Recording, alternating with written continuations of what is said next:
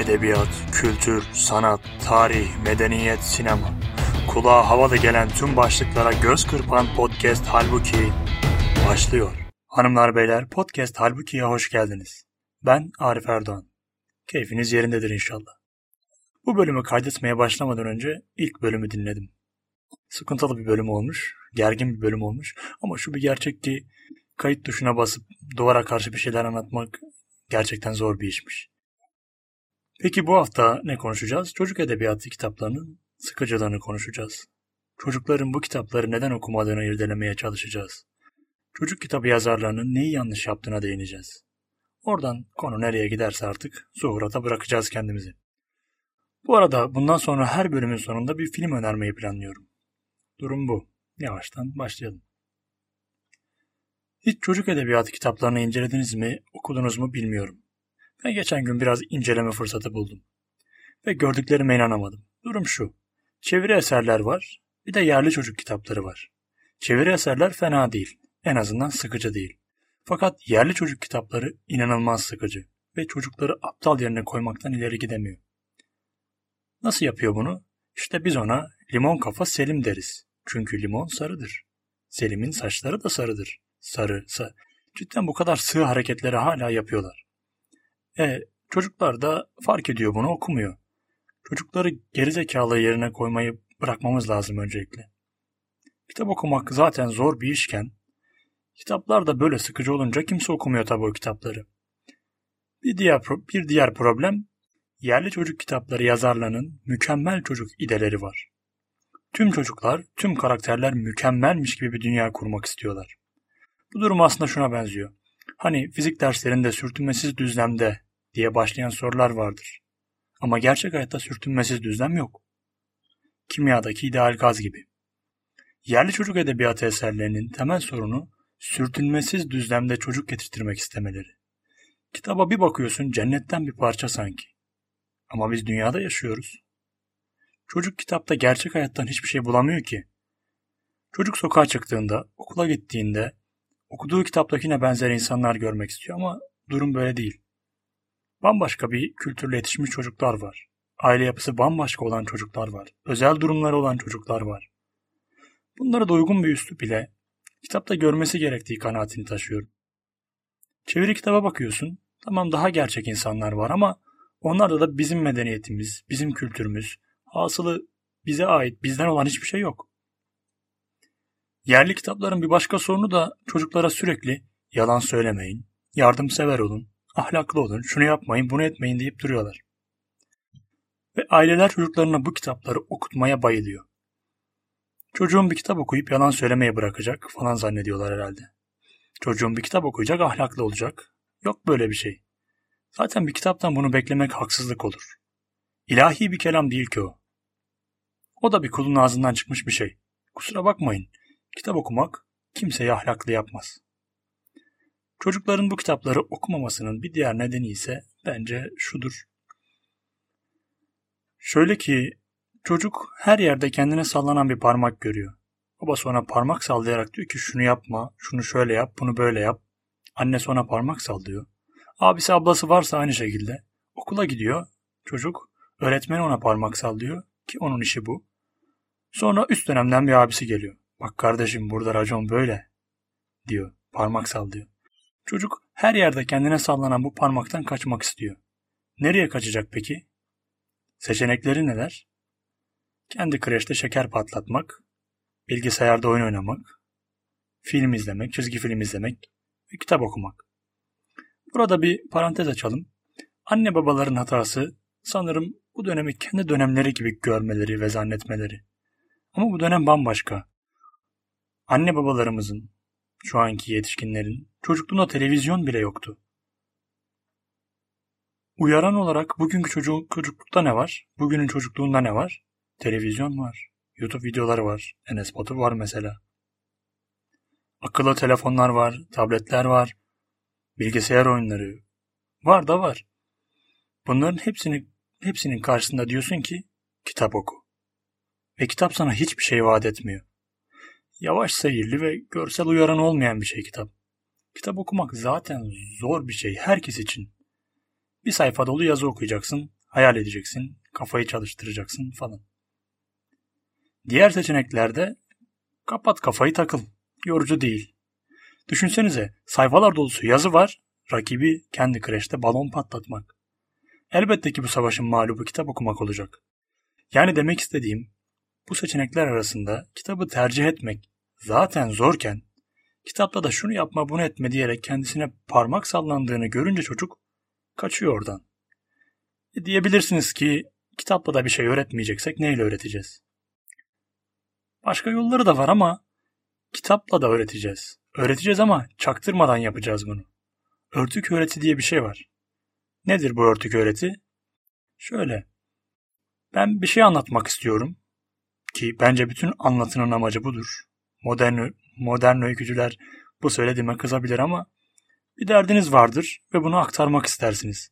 Aynı zamanda okuyucu, dinleyici fark etmesin istersiniz. Bunun için de üzerine örtmeniz lazım. İşte değişik bir kurgudur, bir espridir, başka bir şeydir. Ama bu işin temeli kurgudur.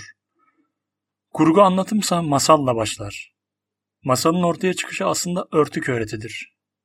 E şöyle diyelim, hikayeleştirelim biraz. Milattan önce bilmem kaç. O toplumun bilgesi, alim kişisi toplumda bir sıkıntı gördü. Bu sıkıntılı durumu anlatmak istedi. Yalancılık çok kötüdür evlatlarım. Dürüst olmak lazım dese kimse dinlemeyecek. Bunları zaten herkes biliyor. Kendinize gelin ulan da diyemezdi. Gelin size bir şey anlatacağım dedi ve bir masal anlatmaya başladı. Masalda atıyorum yalancı bir adamın başına gelenler vardı. Mesajını vermiş oldu bu şekilde. Ha bu arada dinleyicileri 20, 30, 40, 50, 60 belki o dönem 100 yaşında falan insanlar da vardır. Yani çocuklar değil. Bugün bizim çocuklara sunduğumuz masallar aslında yetişkinlere bir şey öğretmek için anlatıldı. Velhasılı kelam, çocuk edebiyatı eserleri bizlerin de, yetişkinlerin de okurken sıkılmayacağı eserler olmalı. Bunu başarabilenler var.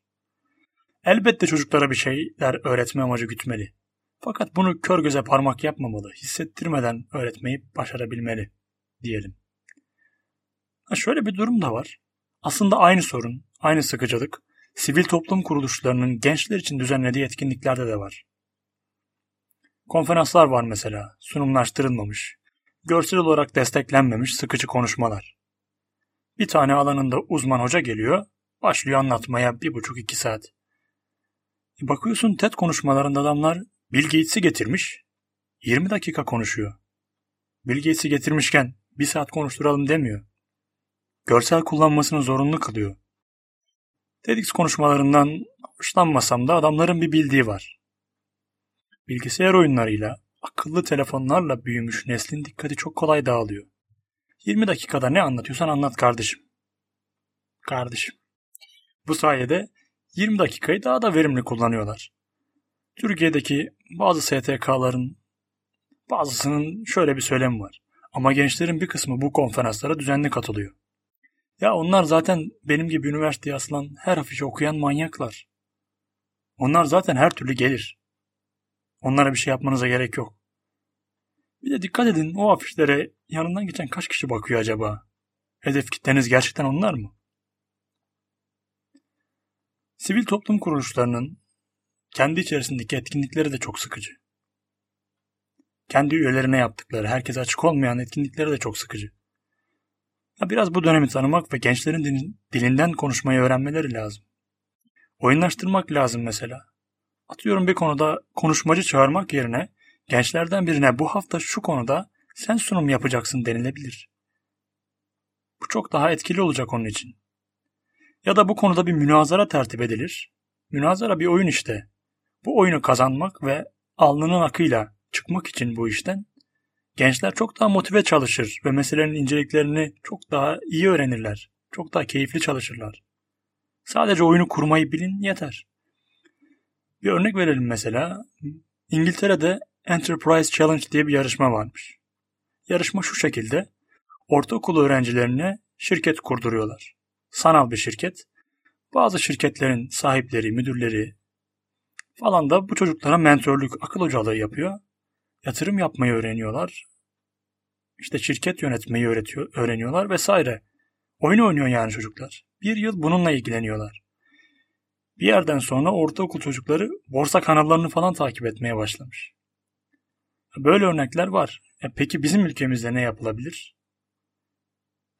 Bizim STK'larımız, sivil toplum kuruluşlarımız yahut devletin ön ayak olacağı işler ne olabilir? Misal ben model olarak Teknofest'i beğeniyorum. Birkaç yıldır Teknofest'te yarışan bir arkadaşımla konuştuğumda işleyiş olarak problemli olduğunu söylemişti ama bence doğru bir model. Az önce bahsettiğim sıkıcı organizasyonları yapanlar da sanırım şöyle bir algı var. Gençler muhaliftir. Otoriteye hep karşı çıkar. Bir yapılması, ya bir, yap, bir iş yapılması istendiğinde değil de canı istediğinde yapar gibi. Tabii ki böyle bir şey yok. Yine aynı dönem yanılgısı bu. Bu nesil GTA'da helikopter bölümünü sabırla tamamlamaya çalışan ve başaran nesil değil mi? Nasıl görev bilinci olmaz? Peki neden yapıyordu bunu? GTA gençlere keyifli vakit geçirmeyi vaat ediyordu ve bunu sağlıyordu. Bir şey vaat etmek ve bunun sağlandığını görmek istenilen aslında bu. Teknofest özelinde eksene teknoloji oturtuldu ve bir şey vaat edildi ve bunu sağlamaya çalıştılar. Aynı gençler bu organizasyon için videolar çekti, deneyler yaptı, raporlar hazırladı. Anlatmak istediğim yapılabiliyor yani. Şöyle bir şey hayal edelim. Örneğin tiyatro alanında Teknofest'in modeli gibi bir organizasyon yapılsa bu gençler çok iyi oyunlar yazıp sahneler benim fikrim. Öykücülük alanında bu yapılsa, tıp alanında, resim alanında, her sene 8-10 alanda bu programlar yapılsa bence çok kalifiye, çok kaliteli işler ortaya çıkar. Benim tavsiyem budur. Ha bir de çok sinir olduğum ve beni rahatsız eden bir söylem var. Gençliği kurtaracağız. Kusura bakmayın da kim oluyorsunuz? Gençliği kurtarıyorsunuz. Bunlar çok çirkin ifadeler bence. Siz ortam hazırlayın ve yol gösterin. Gençler kendini kurtarır.